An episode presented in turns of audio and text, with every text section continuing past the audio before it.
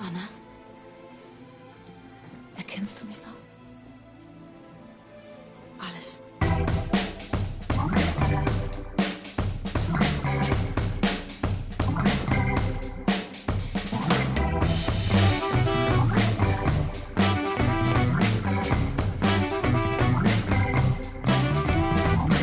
Dennis Andrew Nielsen has been charged with the first of what is said to be multiple murders.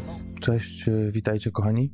Transkontynentalny magazyn filmowy wita was znowu na swojej antenie. Dzisiaj odcinek solowy, połówka. Wita was Patryk, cześć. Huyen Morgen, tak. Abend. E, Witam was z deszczowej Hagi, w której przebywam, jak może wiecie. I słuchacie naszych odcinków bardziej regularnie od pół roku, a tak już ponad rok przebywam w Holandii i właśnie te półweczki, które nazywam Euromix, to są właśnie te, których chcę poruszać tematy związane tutaj z, z tym regionem, w którym akurat przebywam, bo kiedyś to była Islandia przez ponad rok czasu, teraz to jest Holandia, kraje Beneluxu. Dotychczas wyszło już kilka odcinków z tego miejsca i też była produkcja belgijska, holenderska. Nie chcę się ograniczać też tym regionem, gdyż jest, jak wiecie, mały, chociaż może nie tak mały jak Islandia, ale jednak no pewnie gdzieś tam te produkcje warte zauważenia mogą mi się w końcu skończyć, no ale dlatego właśnie w razie co mogę zawsze rozszerzyć to pole i gdzieś powędrować bardziej w Europę. I tak też właśnie dzisiaj będzie. Jedna produkcja to oczywiście film holenderski, ale druga już produkcja brytyjska. Także zapraszam na odcinek 48,5 Euromix z podtytułem Bliźniaczki łamane na DES. Z takich może ogłoszeń parafialnych mogę powiedzieć, że niedługo będę poruszał się bardziej, tak można powiedzieć, żwawo po różnych zakątkach Europy, więc zakładam, że ten mój Euromix będzie z różnych miejsc. To znaczy też dla Was, że będę poruszał bardziej właśnie te produkcje filmowo-telewizyjne z takich krajów jak na pewno Niemcy czy Szwajcaria. Tego u nas do tej pory zbytnio nie było. Mam nadzieję, że jakieś perełeczki tam też powyciągam, bo oczywiście wiąże się to z moją nową pracą, taką mocno wyjazdową, więc no, będę stacjonował dalej w Holandii, ale jednak tych wyjazdów będzie więcej i dobrze, bo, bo też będę właśnie mógł eksplorować te inne miejsca. W Holandii jest ostatnio deszczowo, mało ciekawie, tak ostatnie miesiące, kiedy przechodziłem ten okres pomiędzy jedną a drugą pracą, dość sporo podróżowaliśmy z rodziną tutaj po okolicach, zadomawiamy się coraz bardziej, zaprzyjaźniamy z klimatem, z ludźmi, też z tymi miejscami, do których e, można w łatwy sposób dojechać, gdzie bardzo fajnie jest e, wypocząć. Jak wiecie, pewnie Holandia jest krajem i płaskim, i zielonym, tylko że to zielone to najczęściej ręka ludzka, bo też w centrum miasta, w takich e, zwykłych blokowiskach pomiędzy można znaleźć właśnie bloki czy wieżowce stojące nad takimi rzeczkami, które nie są na pewno naturalne. Wszystko to jest widać kopane specjalnie, pewnie, żeby może drożej sprzedawać mieszkania, które są nad wodą, a jednak w mieście. Dużo jakichś kanalików, y, parków, tego typu rzeczy, które no, z takiego miejsca mocno zaludnionego, bo gęstość zaludnienia tutaj w, na przykład w Hadze jest no, niesamowita, porównując nawet do Gdańska, który ma bodajże o 70 tysięcy mieszkańców mniej, a jest trzy razy większy, no to jest różnica.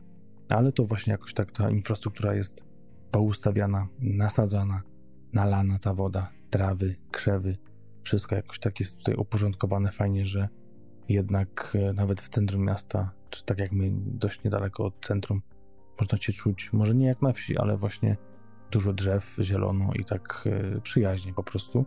Więc tego trochę ostatnio mniej przez pogodę, która nas nie rozpieszcza, ale no, lepiej to niż na Islandii, tak jak może pamiętacie. Odcinki z tamtego kraju były przeważnie dość zimne, mroźne i już teraz tam temperatura kręci się w okolicach 2-3 stopni powyżej zera, więc zima idzie dużymi krokami tutaj. To mniej więcej można powiedzieć jak w Polsce, jak w Gdańsku, z którego pochodzę, 15, 17, 18 stopni, tylko teraz właśnie może trochę deszczowo.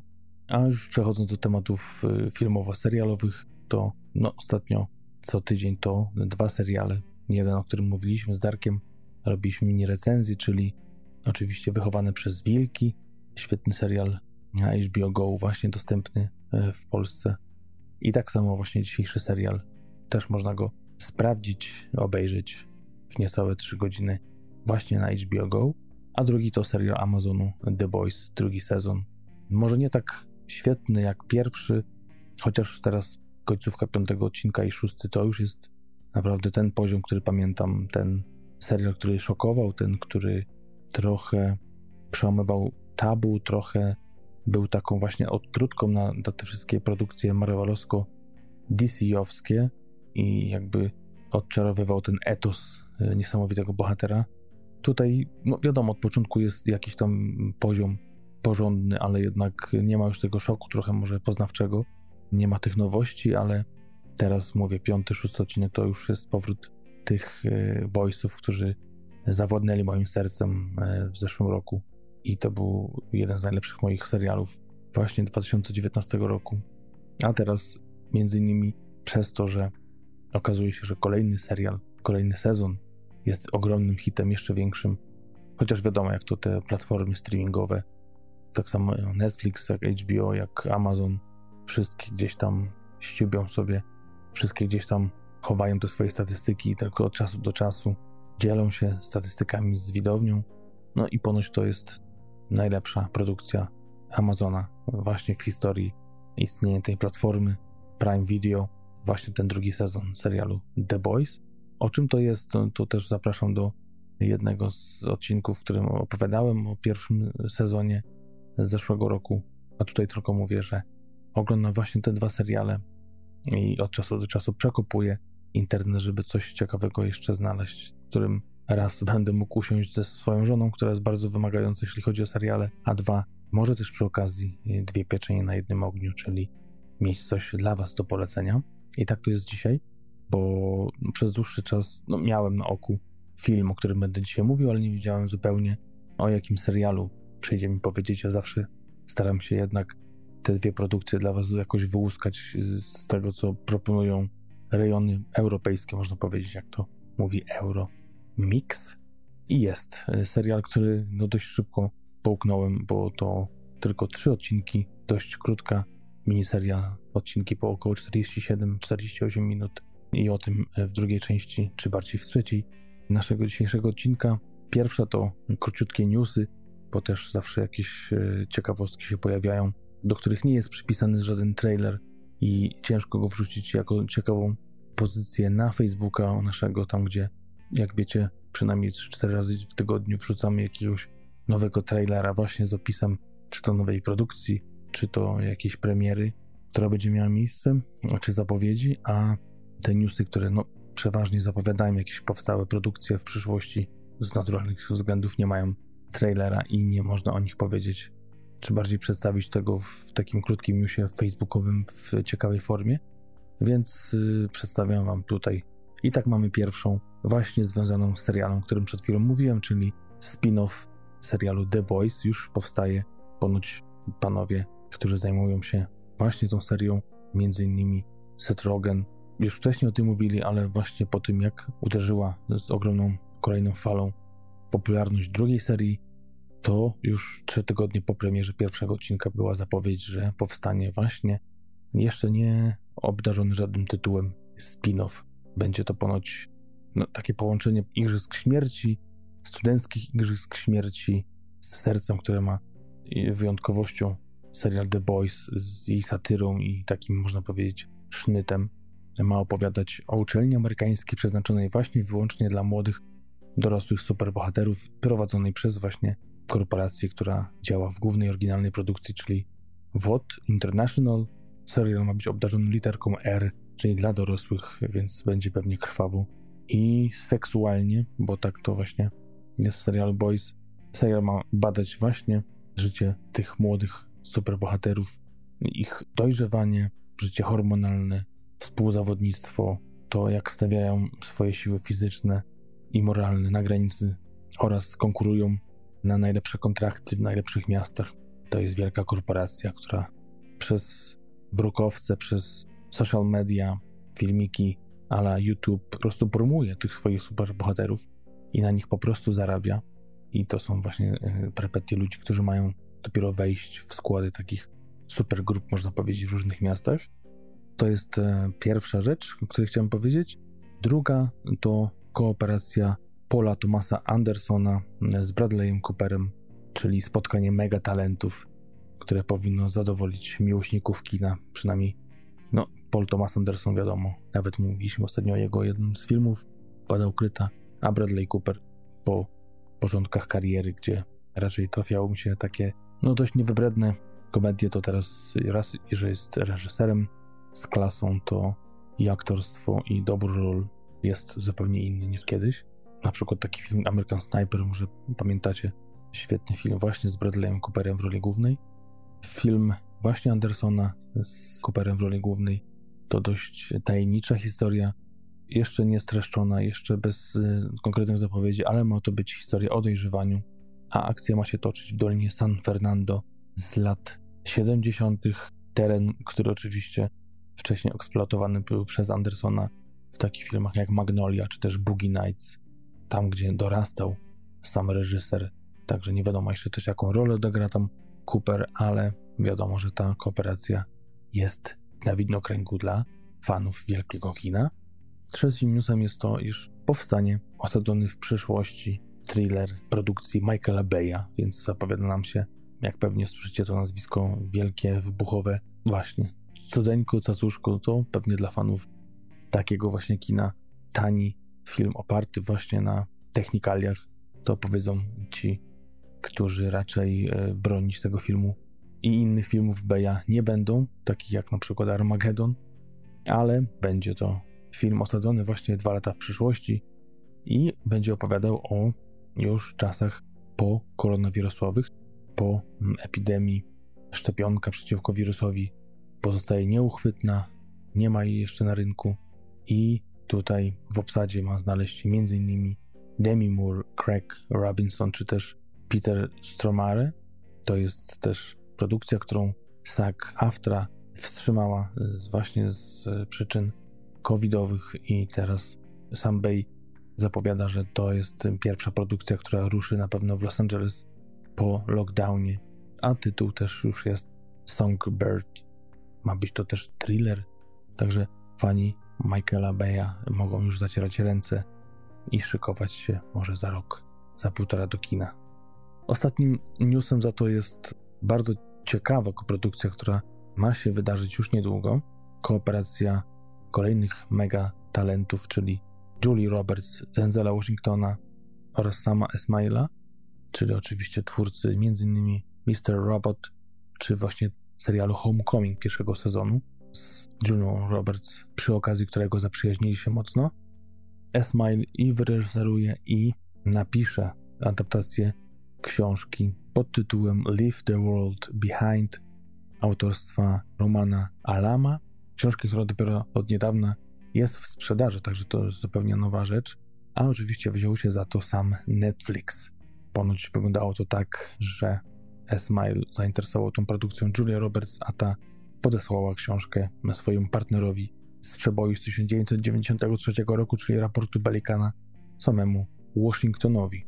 Ponoć jest to bardzo zgrabnie opowiedziana historia, wciągająca, taka trochę w klimacie postapokaliptycznym, podążona śladami rodziny, która udaje się do odległego zakątka Long Island, spodziewając się przyjemnych wakacji ze swoim nastoletnim synem i córką, ale pewnej nocy właściciele domu, w którym mieszkają, nagle wracają w panice do domu, mówią, że przez miasto przeszedł nagle jakiś wielki blackout i nasza para głównych bohaterów nie jest pewna, w co ma wierzyć przy wyłączonym telewizorze, internecie oraz braku jakichkolwiek usług komórkowych. Dwie rodziny zmuszone są do życia w bardzo napiętej sytuacji i w relacjach dość specyficznych między sobą. Ponoć mają być tu poruszane tematy związane z klasą, rasą oraz rodzicielstwem. To tyle, jeśli chodzi o takie pierwsze, od dawna chyba, newsy filmowe u nas na antenie TMF-u, a teraz przechodzę już do dwóch produkcji, które zajęły moją głowę w ostatnim czasie.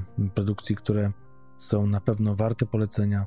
Pierwsza to jest właśnie produkcja holenderska z roku 2002 w reżyserii Bena Sombogarta. Jest to film Bliźniaczki, który premierę miał w 2002 roku, ale do Oscarów był zgłoszony na rok 2004 i udało mu się zyskać nominację, być w tej ostatniej piątce e, filmów, które właśnie stają e, w ostatnie te szranki finale, można powiedzieć, i walczą o upragnioną statuetkę. Tak przeglądając właśnie przed e, tym nagraniem piątkę całą tych filmów, które były nominowane właśnie w 2004 roku za 2003, znalazłem bardzo ciekawe tytuły i tak już nawet nie będę wam mówił, może powiem tylko z jakim filmem bliźniaczki przegrały, ale zastanawiam się, czy też jednego z tych filmów nie wziąć na warsztat, czy to w związku z kolejną połówką, czy to w związku z pełnym może odcinkiem, jak uda mi się Darka przekonać. No, oczywiście najpierw muszę sam się przekonać, ale mamy tutaj inwazję barbarzyńców, film kanadyjski, który był pierwszym sequelem, który otrzymał Oscara właśnie w 2004 roku, a tu mam oczywiście Bliźniaczki. Dramat wojenny, nazwany też romansem. W sumie nie wiadomo dlaczego jest to historia dwóch sióstr, które w 1925 roku zostały po śmierci swoich rodziców rozłączone. Właśnie dwie bliźniaczki i jedna trafia do rodziny, która mieszka w Holandii, jedna do rodziny niemieckiej. I tak właśnie przez lata, żyjąc osobno, gdzieś tęskniąc przez y, dekady do siebie, mamy obraz obu tych sióstr i tego, co przez czas przede wszystkim wojny przeżyły, co wycierpiały, jakie zdarzenia się, im się przytrafiały. Jest to film oparty na książce Tess Delo, więc jakby zmyślony nie jest to historia oparta na faktach, chociaż zakładam, że takich ludzi można spotkać, ale jakkolwiek jest to jednak film oparty na fikcyjnej książce, która niedawno też wylądowała w teatrach. W Holandii w zeszłym roku też widziałem relację z przedstawienia teatralnego właśnie na podstawie tej książki. Autorką scenariusza jest e, Merke van der Pol, a autorem zdjęć Piotr Kukla, bardzo zasłużony, można powiedzieć, dla kinematografii holenderskiej, polski twórca, polski autor zdjęć, urodzony w Bydgoszczy, który ma na swoim koncie no, wiele tych filmów od lat 80. związany z tym przemysłem tutaj, urodzony w 1958 roku, od lat 80. mieszkający już w Holandii. I właśnie za ten film między innymi otrzymał Złotą Żabę na festiwalu Image, ale też y, jak patrzyłem w biografię pana Piotra, to też powraca do rodzimego kraju i tego przykładem ma być y, filmowany właśnie teraz w trakcie. No zakładam, że jakaś przerwa była, ale tak widnieje na IMDb, że jest y, w trakcie filmowania serial Dom pod dwoma orłami. Ale tak jak mówię, głównie to przez jego karierę przewijają się produkcje holenderskie, między innymi film Gangi z Osh, też myślę o takim filmie, żeby gdzieś go wynaleźć, bo też ciężko te holenderskie filmy, a przede wszystkim z e, angielskimi napisami, bo też czasami jakiś trafi się w telewizji, no ale tak jak wiadomo, do angielskich filmów, czy brytyjskich, czy amerykańskich napisy są po holendersku, to już do holenderskiego oczywiście na odwrót nie będzie, bo jest to, byłoby to dziwne. W każdym razie mamy sobie film, który no, dość sporą karierę zrobił. Zarobił ponad 5 milionów dolarów, z czego dość niewiele, bo chyba tylko w jednym kinie gdzieś wyczytałem, był wyświetlany w Stanach. Pewnie przy okazji Oscarów było tego więcej, ale tak do szerszej publiki trafił właśnie w jednym kinie i tam tych pieniążków za dużo nie zarobił, ale tak jak mówię, w sumie dość sporo film opowiadający o losach sióstr, które widzimy w trzech okresach. W tym pierwszym, kiedy mają po te 6 lat, potem kiedy są nastolatkami, wchodzą w wiek y, dorosły i zresztą tak jest na początku. Widzimy, kiedy panie spotykają się po latach już jako staruszki w belgijskim spa czterogwiazdkowym. Obserwujemy to, co się z nimi działo. Przede wszystkim jest tu dużo informacji a propos samego Holokaustu, wojny jako takiej, tego, że po prostu miejsce, w którym żyjemy, mieszkamy, warunkuje też to, w jakim miejscu jesteśmy w historii i jak nas oceniają. Był ten film mocno krytykowany przez społeczeństwo żydowskie o to, że próbuje tą historią pokazaną sprawić wrażenie, że ofiara jest równa swojemu oprawcy. Moim zdaniem mocno nietrafione, zresztą same wyniki ponoć finansowe i w ogóle sukces w Izraelu tego filmu temu przeczą. To jest chyba jakaś taka krótkowzroczność, która dopadła może krytyków, bo to są takie, można powiedzieć, przykłady wyrwane tak z tej całej historii wojennej Europy, a przede wszystkim właśnie niemieckiej i holenderskiej, która moim zdaniem powoduje, że patrzymy na tę historię trochę inaczej, na to, że nie wszystko jest czarno-białe, ale też i nasze postaci. To też jest nie wybielanie, tylko to są też y, osoby z krwi i kości, które mają wady, mają też zalety, ale też mają dużo przypadków w swoim życiu, za które są oceniane, za które muszą odpowiadać po prostu w pewnym momencie. Moim zdaniem bardzo ciekawy film, bardzo dobre role przede wszystkim kobiet w tym wieku, w okolicach 20 roku życia.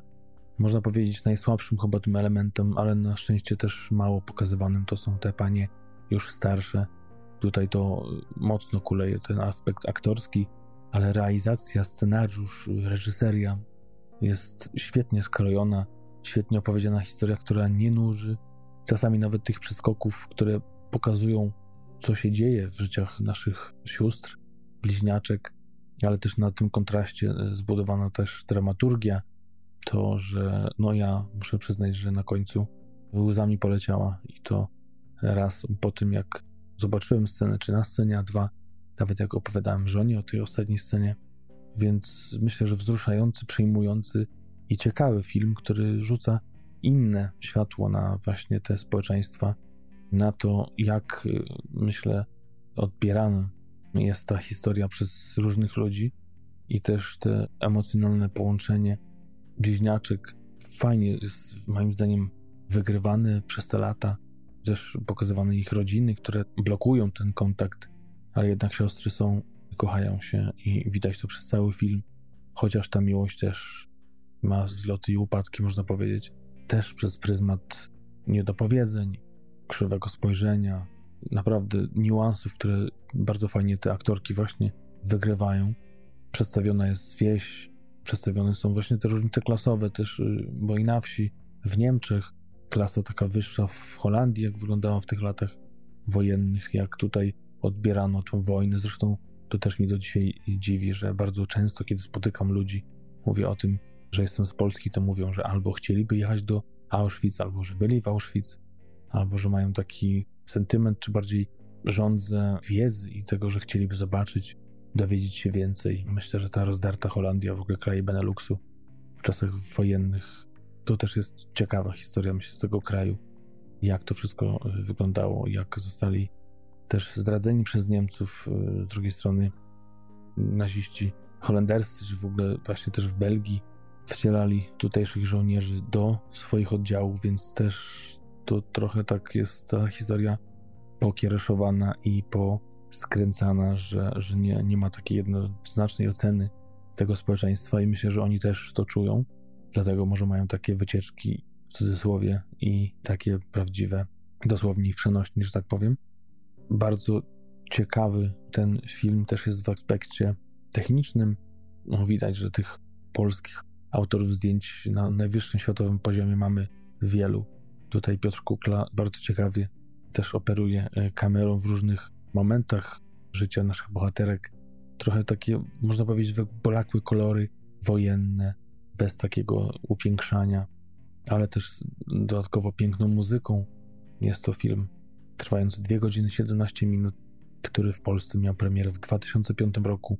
I to tyle, nie będę się za bardzo zagłębiał w aktorki, czy nawet e, reżysera, powiem tylko, że to jest Amsterdamczyk, 47 y, rok, który też bardzo często współpracuje właśnie z Piotrem Kuklą, między innymi Bright Flight, to jest taki jego ostatni przebój z 2008 roku, ale też y, Cruciata w jeansach, na przykład 2006. To myślę, że tyle. Y, gorąco polecam. 7.4 ocena na IMDb. Bardzo nieznany film, jeśli chodzi o polskie realia internetowe. Dla mnie takie 12 na 15. Może kilka rzeczy by poprawił, kilka rzeczy inaczej ukazał, no ale jednak te emocje mm, tutaj biorą górę. Zresztą sam reżyser mówił o tym, że nie jest to film wojenny, tylko film o relacjach rodzinnych z wojną w tle i tak to no, nie może nam kazać tego tak odbierać, ale tak chciałby, żeby były odbierane. Tej wojny jednak moim zdaniem jest tu sporo i ciężko pchać ją na siłę na ten drugi plan, ale myślę, że to jest ciekawa mieszanka i ciekawa inna perspektywa po prostu na ten świat wojenny. Także to jest, jeszcze raz mówię, Twin Sisters, jak chcecie wyszukać to w języku angielskim, The Dwelling to jest oryginał i Bliźniaczki, rok 2002. A ostatnia propozycja dla Was to serial Des. Jest to serial stacji ITV, chociaż jak to mówią recenzenci, w iście BBC-sowskim stylu, czy bardziej właśnie na poziomie bardzo wysokim, a to po prostu jest świetna brytyjska robota. Trzyodcinkowy, bardzo krótki, także nie da się wciągnąć tak bardzo, żeby zamienić wiele nocy w bezsenne. Trzy odcinki po około 47-48 minut i tyle. I mamy całą historię, miniserial z niesamowitym Davidem Tennentem w roli głównej. Możecie go kojarzyć przede wszystkim chyba z takiego serialu jak Broadchurch, bo tam jest jedną z gwiazd obok Olivia Colman. Dwie takie eksportowe gwiazdy brytyjskiego kina i telewizji w jednym serialu się spotkały i to jest też jeden z najlepszych seriali chyba, jakie oglądałem. Ale też grał w takich już y, topowych amerykańskich serialach jak Jessica Jones. I tutaj tak naprawdę on gra główne skrzypce, chociaż wiadomo, to nie jest tylko on. Mamy też świetnego Daniela Mace'a w roli Petera Jaya. Panowie odgrywają prawdziwą historię, bo może o tym nie powiedziałem, seryjnego mordercy, który w 1983 roku wpadł zupełnie przez przypadek w ręce policji i no, jak to nie spolując dużo, bo to się okazuje na samym początku, mają go bardzo szybko, może nie na gorącym uczynku, bo wszystkie te zbrodnie, które dokonał, to jest okres pięciu lat wstecz od tego miejsca, w którym spotykamy naszych bohaterów i nie jest to taka typowa historia seryjnego mordercy, gdzie śledzimy z każdym odcinkiem, kto zabił, czy też mamy jakieś takie cliffhangery. Tutaj mamy od razu kawa na ławę, kto zabił i tak naprawdę zupełnie inny aspekt śledztwa. Śledzimy to, jak udowodnić te właśnie zbrodnie, jak zachowywał się ten, tak naprawdę nie wiemy, psychopatyczny morderca, czy on był zdrowy na umyśle. W świetny sposób ten serial nie przedstawia nam żadnej odpowiedzi, w sensie takich wyborów moralnych, nie każe nam myśleć w dany sposób, tylko przedstawia nam suche fakty w niesamowity sposób, z precyzyjną szczerością scenariusza oraz reżyserią z niesamowitymi rolami właśnie Davida Tennanta, Daniela Mace'a i też Jasona Watkinsa, który wciela się w rolę Briana Mastersa, bo też warto przypomnieć, czy warto wspomnieć o tym, że serial jest oparty na książce właśnie Briana Mastersa, która była biografią właśnie Denisa Nielsena, głównej postaci tego właśnie seryjnego mordercy i zeznań świadków, bo też i na przykład Daniel Mace wcielając się w rolę Petera Jaya, dużo rozmawiał ze współpracownikami policjanta, bo to jest główny prowadzący sprawę, który właśnie aresztuje 37-letniego Denisa Nielsena, mieszkańca Londynu i właśnie jego próbuje skazać za kilkanaście ponoć. Zresztą ta sprawa do dzisiaj nie jest rozwiązana do końca. Nie są wszystkie ofiary znane. Właśnie skazać mordercę i udowodnić mu te czyny, bo nie jest łatwo. I ta procedura właśnie dojścia do tego, żeby udowodnić, żeby znaleźć ofiary i przejść przez ten niesamowity płaszcz bezemocjonalności, tak można powiedzieć, samego Nilsena, który niby rozmawia z policją, niby daje wskazówki, ale to wszystko nie jest takie, jak się w pierwszym momencie myśli.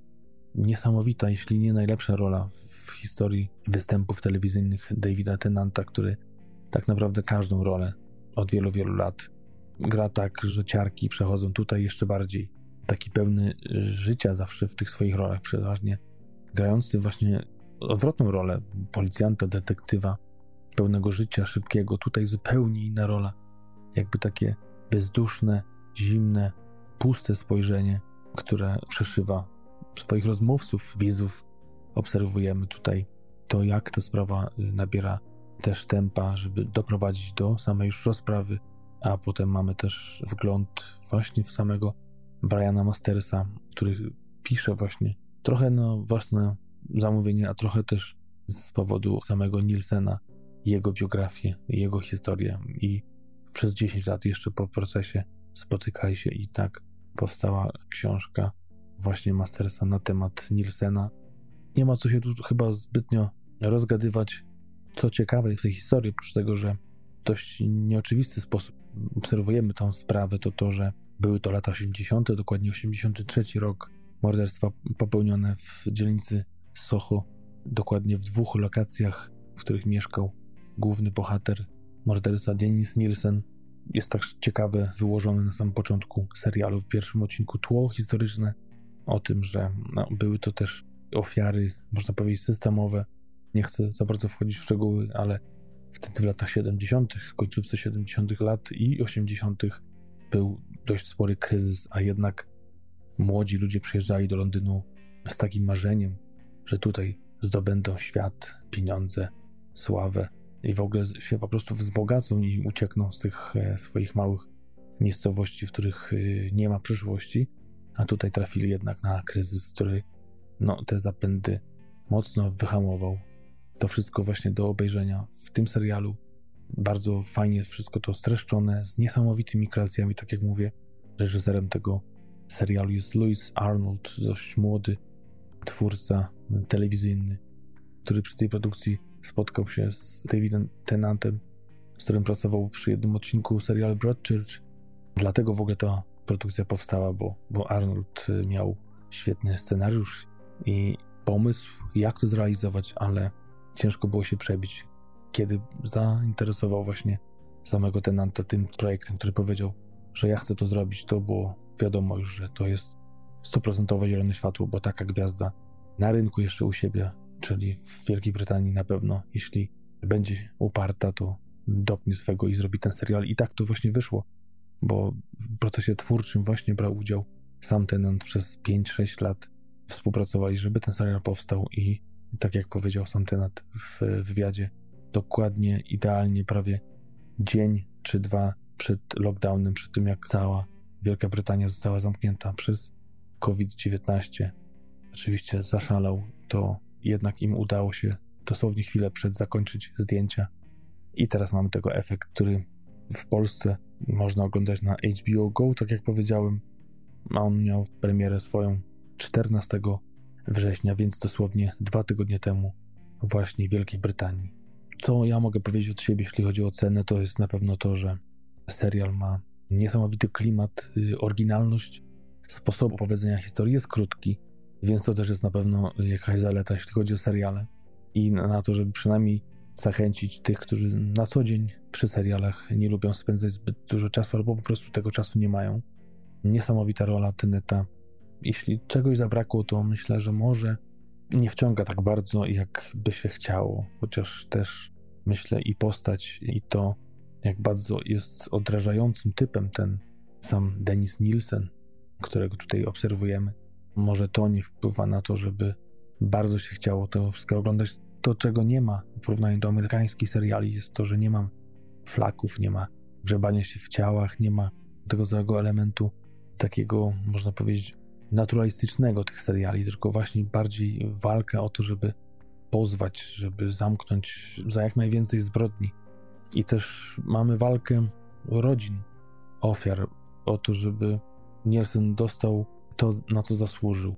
To też się wybija, ale myślę, że kilka elementów można było poprawić, żeby może dynamiki więcej wprowadzić, może więcej suspensu, chociaż no właśnie ten klimat i ten serial w ogóle jest takim antysuspensowym, bardziej trochę w te zakamarki biurokratyczne wchodzimy. I tu jest ta jego siła, więc po prostu no, dla każdego coś innego, można powiedzieć, i to jest na pewno to, co tym takim spokojniejszym widzom, których odstrasza taka przerażająca wizja ciał, czy drastycznych scen, czy nawet samego opisu zbrodni. Tego tak też zbytnio tutaj nie doświadczamy. I to jest też właśnie dla Was, kochani. Jeśli takie seriale lubicie, ja na takie 15 dam temu serialowi 13, no może 13,5 za niesamowitą kreację Tenenta. Zapraszam serdecznie HBO Go. I dziękuję za dziś, e, dziękuję za ten odcinek, połówkę 48,5 z Hagi. Deszczowej. Teraz jak kończę, to już ten deszcz nie pada, więc może to właśnie wasza zasługa, że przy nagrywaniu trochę się rozjaśniło, chociaż na końcu było dość mrocznie. Zapraszam na kolejne odcinki, mini recenzje, pełne odcinki. Już mamy bardzo ciekawą propozycję na pełny odcinek, także zapraszam zapewne na, za dwa tygodnie. A dzisiaj zaproszę Was tylko do naszych mediów społecznościowych. Facebook to TMF Podcast pisane razem. Tak samo na Instagramie, na Twitterze to jest TMF podkreśnik dolny podcast www.tmfpodcast.com to jest nasza strona domowa oczywiście, a słuchajcie nas od niedawna też na aplikacji Empik Go, ale oczywiście YouTube dla tych takich dość leniwych, którzy nie chcą grzebać po różnych aplikacjach w telefonie, ale oczywiście wszystkie praktycznie aplikacje podcastowe, Spotify, a jak nie, to właśnie z naszej strony domowej też jest odtwarzacz, na który można nas słuchać. Zapraszamy i dziękuję za dziś jeszcze raz. Trzymajcie się. Tot Pa!